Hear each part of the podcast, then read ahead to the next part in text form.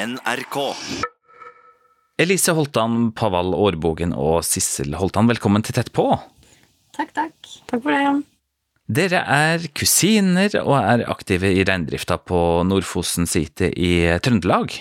Og det er bare noen få år siden det var um, generasjonsskifte, og da fikk dere muligheten til å overta drifta. Hvilke vurderinger gjorde dere da? Det var egentlig ikke så veldig vanskelig valg, da. Det handler om at vi vil videreføre det som har vært tradisjon og familiearven.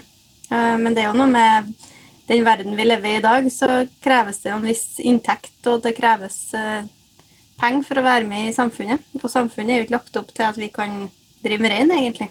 En reindriftsutøver får ut månedslønnen.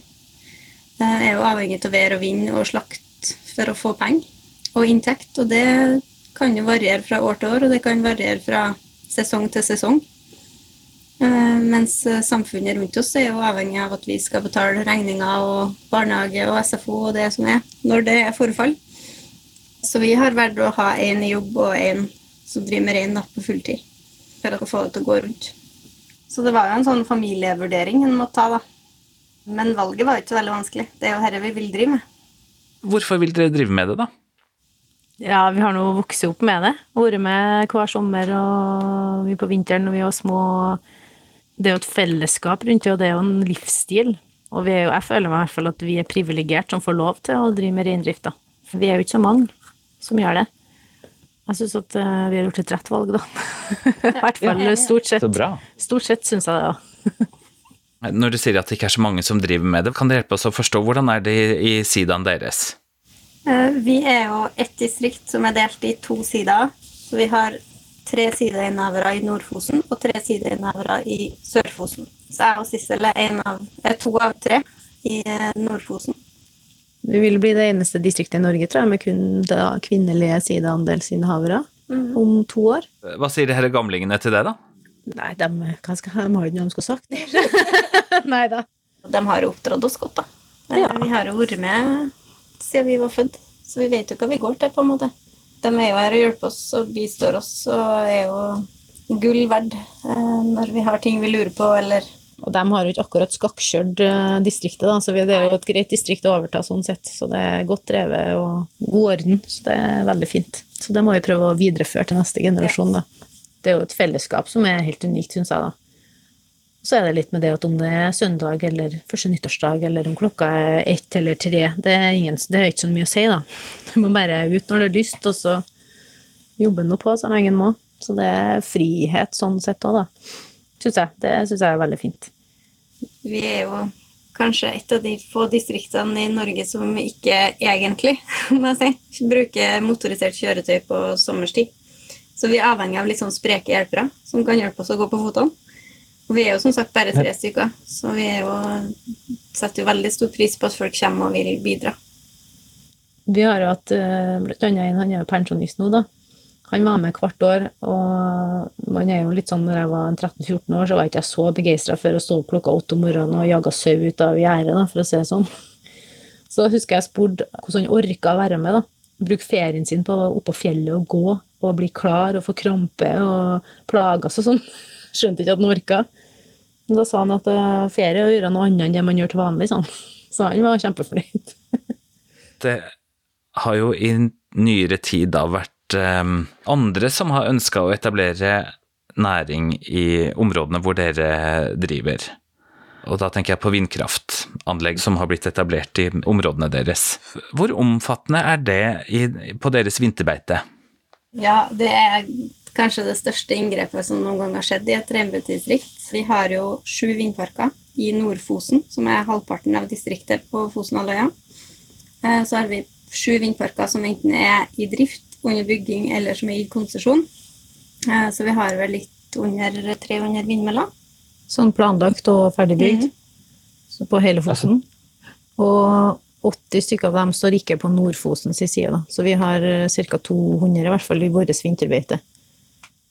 Akkurat. Så det vil jeg si er et formidabelt inngrep. Når begynte arbeidet med de, da? Den første vindparken er vel satt opp i 2008. Eh, Og etter det så har det vært forslag, og det har vært søkt om konsesjon på utrolig mange vindparker. Og vi er jo fortsatt ikke i mål, men eh, den som er under bygging, sisten skal igangsettes i år. da. Og da er det vel en konsesjon igjen. Så vi har holdt på siden 2005, kanskje tror jeg den første søknaden om å få bygge vindpark på Fosenhalvøya ble eh, levert. Dere fikk muligheten til å være med på høring. Hva sa dere da? Den første vindparken som ble bygd i 2008, den sa vi vel ganske sånn greit at ja, det er ok. Fordi at vi hadde jo, vi har jo mye beiter på Fosen, så én vindpark er jo ikke så farlig. Og vi hadde god dialog med utbygger og sånn der, så det virka veldig greit. Eh, nå skal det sies at det er på et fjell som er ganske flatt, sånn at eh, det utgjorde ikke så veldig mye sånn eh, inngrep i topografien, da. Men så ble det jo bare mer og mer. Det var jo noen som fant ut at det bles ute på Fosen, så det er veldig fint å bygge vindmøller her. Og det var jo på det meste så tror jeg vi var oppe i 30 forslag da, på vindparker på vinterbeitet vårt. Og da så vi at dette her gjør jo det vanskelig for oss å drive med rein. Vi har jo lært av den første vindparken at det går ikke an å drive med rein i en vindpark. Du kan drive eh, i rundt. Eh, Men selve arealet der vindparken er bygd på, eh, både infrastruktur med veier og, og skjæringer og oppstillingsplasser, alt det her er jo et tapt område for reindrifta. Eh, Så når det blir snakk om flere enn én i vindpark, så var vi jo skeptiske. Og det har vi jo sagt hele tida. Og det, vi har jo en del rapporter som støtter opp under det. Eh, At det er kritisk da, for eh, reindrifta på Fosen, hvis det blir utbygd så mye vindparker som det er bygd i dag. Men, men hvordan merker dere det på, på reinen, da? han oppfører seg jo ikke sånn som han gjorde før. da. Det er jo områder som vi har brukt, tidligere generasjoner har brukt, som vi ikke kan bruke lenger, fordi at der står det nå et vindparkanlegg. Han flytter seg jo på måter som han ikke har flytta seg på før. Så det gjør jo det her generasjonsskiftet kanskje litt ekstra vanskelig. At vi skal lære av tidligere generasjoner. Eh, Han skal viderebringe kunnskapen om hvordan rein oppfører seg, og hvor han trekker hen og flytteleie og sånne ting. Og så ikke de, stemmer ikke de med dagens eh, terreng. Ja, altså det er jo ikke bare selve møllene, men de skal jo ha kabler og strømnett òg for å få strømmen derfra. derifra. Så vi har jo òg mange, mange mil med 420-lin. Ja. Og det er jo en lang anleggsfase, det òg, så vi har jo hatt veldig mye forstyrrelser da, i beitene våre nå i ganske, over ganske lang tid. Som gjør at rein eh, vil spre seg mer, og da blir jo den mer sårbar òg. Det blir ekstra mye jobb da, for å sam prøve å samle de endene og få ting på riktig kjøl igjen, da, på en måte, etter alle forstyrrelsene. Så det er ganske mye jobb, da. Så når de blir spredd utover, så er de kanskje lettere å bytte enn eh, hvis de er flere i lag, da. Er det sånn at det går noen år, og så lærer reinen å leve med det? Er det en form for tilpasning der, eller er det sånn at man skyr disse områdene år etter år etter år? Det vet vi egentlig ikke helt, da. Men hvis de tilpasser seg, som vi tror at de ikke gjør, fordi det er såpass mye støy og det er mye visuelt med rotorbladene som snurrer rundt og det er lys som blinker og sånn, så er det uansett ikke et område som er egnet for å drive med rein. Det er mye fine beiter inni, vinter, inni vindparkanleggene, men vi kan ikke drive med rein inni der. Det er ikke et område der vi har kontroll på reinen vår. Så er det jo en faktor at det er fare for iskast fra sånne vindmøller. Og der er jo vinterbeitene våre, så iskast foregår jo eh, først og fremst på vinteren. Så det er jo en risiko med å være inni en vindpark og, og drive med rein hvis det skulle være noe rein som har tulla seg inni. da. Hvordan tilpasser dere dere til dette her, da? Eh, Vi må jo prøve å tenke litt nytt, da. I vinter så har vi holdt på på mange forskjellige kanter. Eh, Vanligvis har de kanskje brukt et område der det nå står et sånn vindparkanlegg til vinterbeite, mens nå er de spredd i mindre flokker på flere forskjellige plasser. Som gjør at vi må bruke mye mer tid og mye mer eh, ressurser på å få samla dem fra ulike plasser inn til, til slaktegjerdet på vinterstid. Eh, Så vi har vel det? Vi har jobba i 50 og 52 dager i januar og februar. Ja, det høres riktig ut, det. Ja. Har ikke sett så mye til familiene våre, vi som har vært på fjellet, nei. Vi begynte jo inn i mellomjula, og så har jeg vært ute det var 50 av 52 dager Nara har vært ute. Mann Mannen til Ellise, da. Jeg har kanskje vært ute da i sju-åtte dager færre dager enn han, da. Og da er vi fra sju om morgenen til og hjem kanskje fem-seks på kvelden, da. Da er det samling og flytting og gjeting og Vi er jo bare tre, tre stykker som er ute sånn til vanlig, da. Så vi kan jo ikke være mange plasser på en gang. Så vi må jo bare stå på når vi har vær og føre til det. Så det har vi jo gjort, da, syns jeg. Absolutt. Og det er jo noe med det Det heftig ut. Det er jo en vurdering man, man må ta da, når man velger å ha et sånn her, en sånn livsstil. Jeg vil ikke kalle det en jobb, men det er en livsstil. For det er jo noe med, vi har jo småbarnsforeldre begge to. Og når det er 50 av 52 dager som man går med på fjellet, så er det det er med å få hverdagen til å gå på. Men det er fortsatt verdt det, for dere sa i starten at dere var positive til å ta over. Ja, det syns jeg. Det er absolutt verdt det. Eh, og vi har jo trua på at den innsatsen som vi legger ned nå, da, eh, gjør at det kanskje kan bli lettere neste år.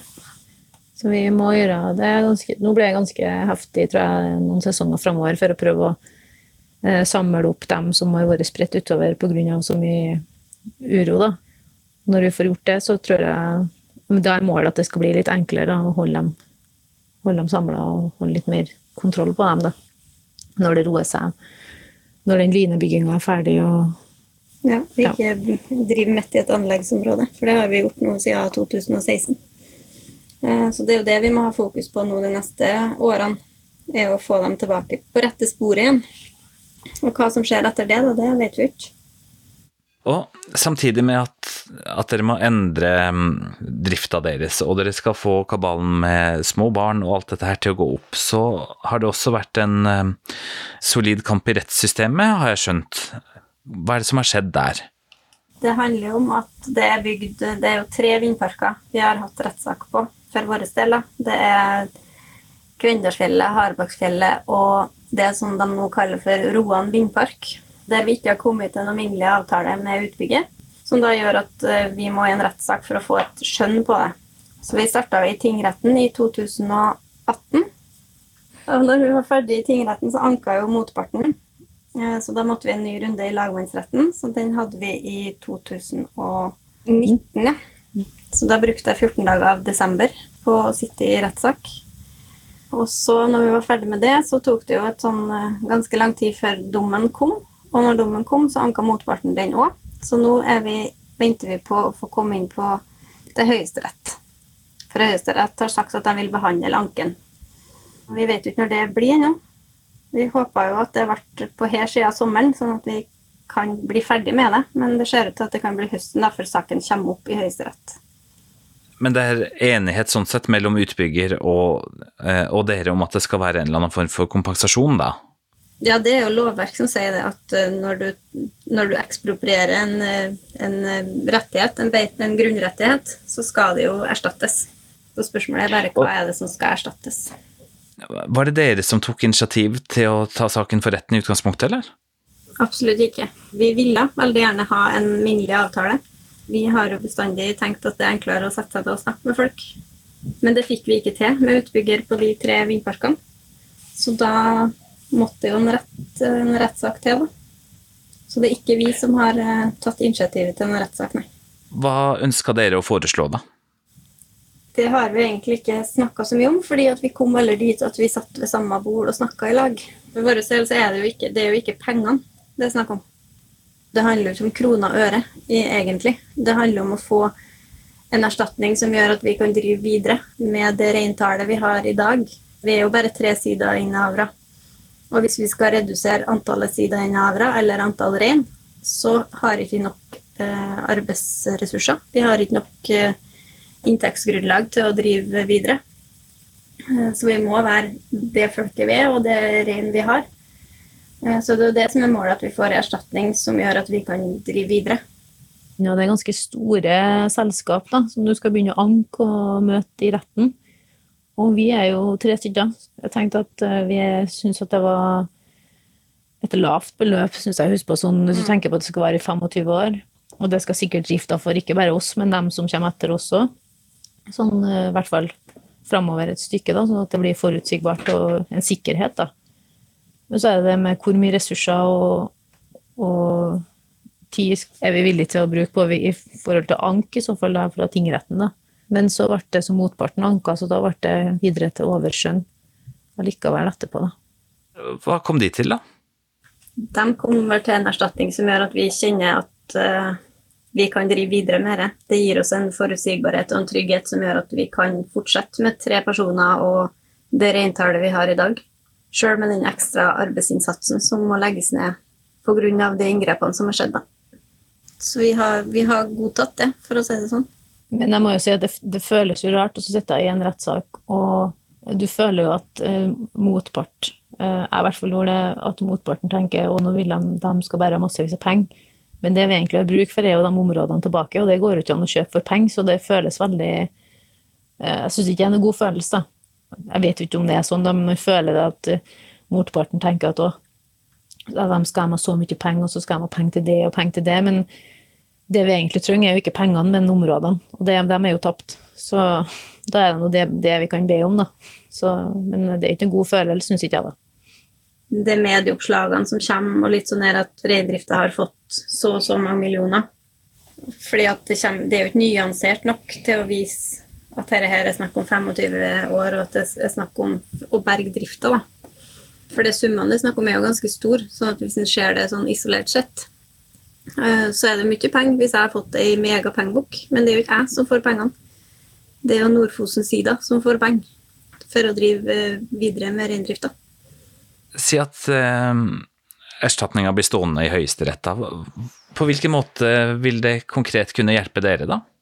Det handler om å bli ferdig og kan se framover og se framtida. For sånn som det er nå, så venter vi jo bare. Vi venter på, på dommer, vi venter på motpartsank, og vi venter på Sånn som nå, så venter vi på dato for at det skal opp i Høyesterett. Så vi har et håp om at vi blir ferdig i år, eh, men det er jo ikke sikkert. Og da har vi holdt på i tre-fire år da, i rettssak uten å kan liksom legge det fra oss og begynne å se framover og bruke tida på det vi syns er artigst. Det er å drive med rein. Ja, Dere begynte vel ikke i reindrifta for å sitte i rettssaler? Nei. Jeg tok over 1. mai 2018. Det var første dagen i tingretten. Så jeg har bestandig drevet med rein i rettssal.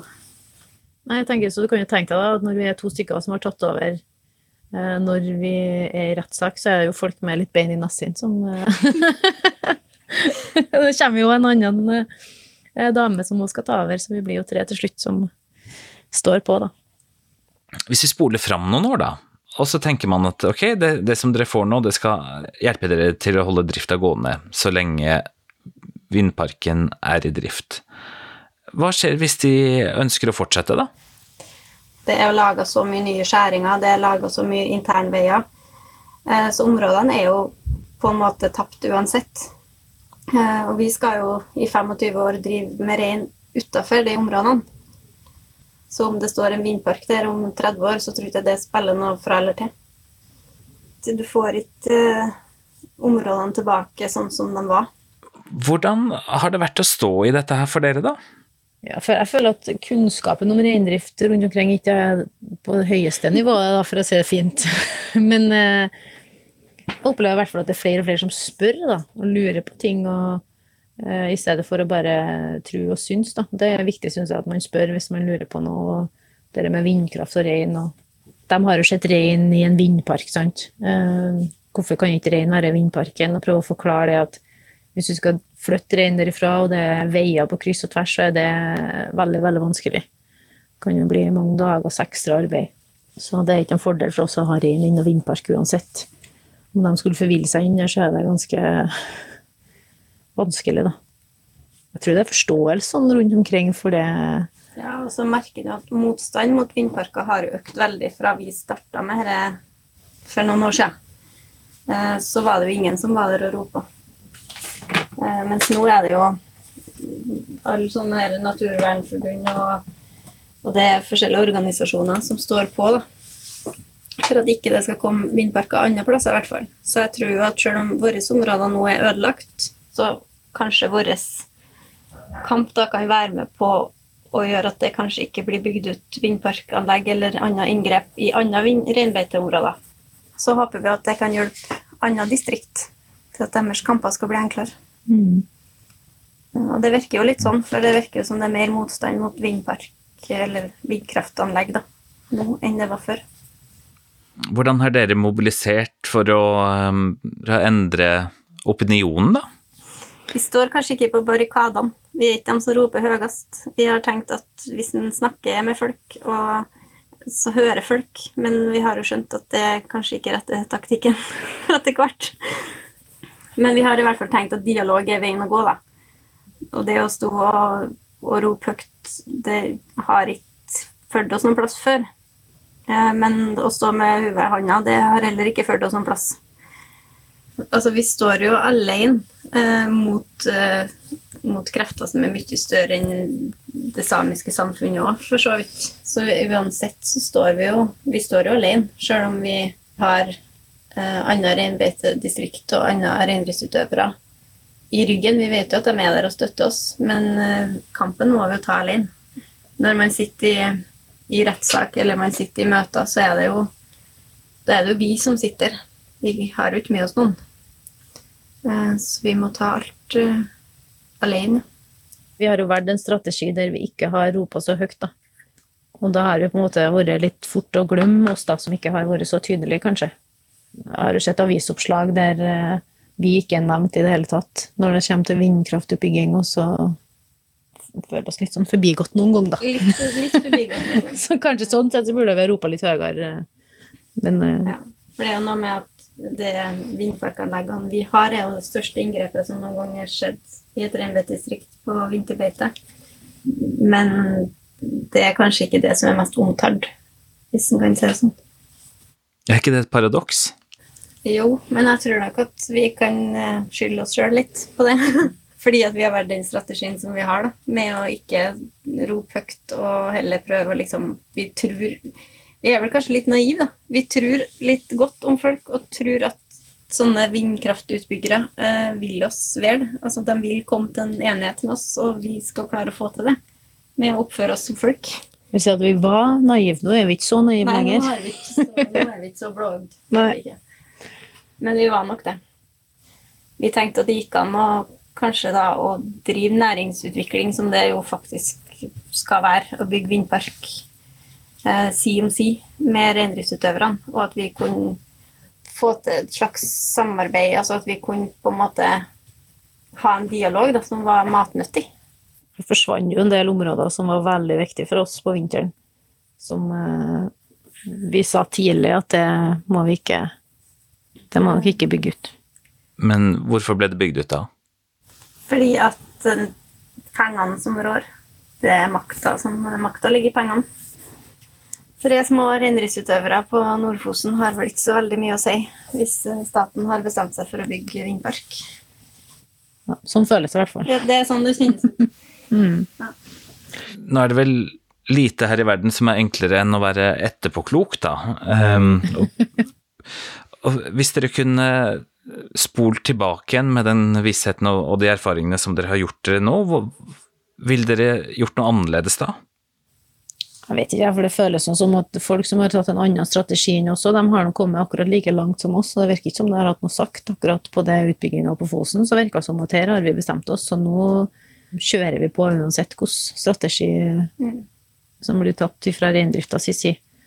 Så det vet jeg ikke om jeg har hatt noe å sagt, egentlig, sånn som jeg ser på det nå, da. Men det der er jo interessant, fordi at Sør-Fosen, de har man jo hørt mye mer om i, i offentligheten. Og der har det vært protestert på en annen måte enn det dere har gjort, da. Sånn sett så er det jo interessant hvis sluttresultatet er ganske likt, da. Det er jo akkurat likens. Vi har jo vært i samme rettssak. Vi er jo akkurat på samme plass. Eh, Sjøl med to ulike inngangsvinkler, så står vi jo på akkurat samme plassen. Så det er jo litt det at vi, uansett hvilken strategi man har valgt, da, det har ikke tatt noe å si. For noen av oss. Nei. Nei. Vi er nå i samme båten nå. Nei, det er jo interessant at det er sånn, da. At vi kan faktisk si det. At ja, hvis vi hadde stått vært mer da, synlig, sånn som nabodistriktet eksempel, så kan vi jo si det at det har jo ikke hatt noe sagt, for vi er jo akkurat like langt. Og de, de kan jo se det samme. Hvis vi, de har gjort sånn som vi gjør, så har de vært like langt. Så det er jo litt, det er litt interessant at en faktisk kan se tilbake og være etterpåklok, men samtidig tenke at jeg tror ikke jeg har hatt noe sagt, da. Jeg syns det, det er vanskelig å forstå at det kan forsvares, men uh, at man ødelegger så store områder og bygger ut så mye for så mye penger, så Ja, han føler seg jo han føler seg veldig liten oppi det hele, da. Eh, For det er akkurat som at vi egentlig er en sånn flekk på det her papiret som de helst skulle hatt bort.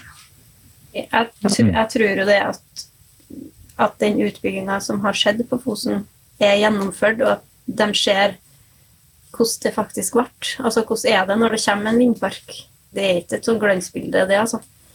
Eh, At folk har sett det sånn, fått det visualisert, da, gjør jo at motstand andre plasser har blitt større. Bare synd at det måtte bygges på vårt. Ja, veldig, veldig synd. statuere et eksempel. For det har vært en god del folk som har vært og sett på det her vindparkanlegget, i hvert fall på Roan, for det er vel kanskje det som er styggest, hvis man kan si det. Eh, Der er det så mye inngrep i forhold til veier og skjæringer og sånne ting, sånn at fjellet ligner ikke på det fjellet som var der før. Så når folk ser det, så får de kanskje opp øynene litt for hva et sånn her anlegg faktisk er. da. At det er ikke bare et kart med noen prikker på, men det er Du ødelegger faktisk naturen med å gjøre det sånn. Men dessverre så måtte de bygge ut roene først, for at samfunnet skulle få opp øynene for ødeleggelsene som det innebærer. Hvis nå deres barn da ønsker å videreføre og ta over for dere en vakker dag, da, hvordan håper dere at eh, deres hverdag kommer til å bli, da? Jeg håper at de kan drive med rein, at de kan være ute, gjøre det fysiske reindriftsarbeidet. At de kan være på fjellet sammen med dyrene sine, eller våre. Eh, Ikke bruke tida på møter og høringer og rettssaker og alt annet som egentlig ikke er det vi driver med, men som kanskje tar opp veldig mye av tida vår. Ja, for det er jo såpass mye arbeid med å drive rein at det er ikke noe du gjør på hobbybasis. Det er ting du gjør for at du skal ha det som, som en næring av di. Så kanskje det at de møter enda mer forståelse. Jeg syns vi har bra forståelse ja, fra folk rundt, men forståelse for at inngrep tar av beiteområdene, da. Ikke bare vindmølleutbygging, men det er jo hyttefelt og veier og Så det har vært fint hvis at eh, de slapp å bruke så mye tid på det, da. Jeg har jo vokst opp i reindrifta. Det har vært en naturlig del av livet mitt. Det har vært, jeg har jo aldri vært på sommerferie, f.eks. Vi har bestandig vært på fjellet under kalvmerking på sommeren. Og det er det som er livet. Det er fjellet, og det er, det er naturen, og det er rein. Det er det alt handler om. Eh, og det at ungene skal få vokse opp og kjenne på det samme, eh, den friheten det faktisk er. Hvis man ser bort ifra alt papirarbeidet og all byråkratiet som man må holde på med når man driver med reindrift, så, så er det noe med denne, denne livsstilen som jeg vil at mine unger skal få ta del i når de vokser opp. Og hvis de ønsker å ta over, så skal det være noen ting de kan ta over. Det er vel kanskje litt av drivkraften òg. At det skal være, det skal være en, en reindrift på Fosen som er verdt å drive videre for neste generasjon, hvis de ønsker det. Jeg skal ikke ta valg som gjør at de ikke har noen ting å drive videre med. Det får de velge sjøl. Du skal lete lenge for å finne en helt uberørt naturflekk. Da. Eh, Men når man finner den, og man har eh, rein, og det er liksom en finværsdag helst òg, da, så er det, da kommer man på at det er verdt det. Vi vil egentlig bare være i fred. Jeg håper at de får være litt mer i fred, kanskje. Ja, det må være, Ja. det må være målet. Elise Holtan Pavall Årbogen og Sissel Holtan, tusen takk for at dere var med i Tett på. Bare hyggelig. Bare hyggelig. Jeg heter Svein Lian, Tett på fra NRK Sápmi er produsert av 1 til 1 Media.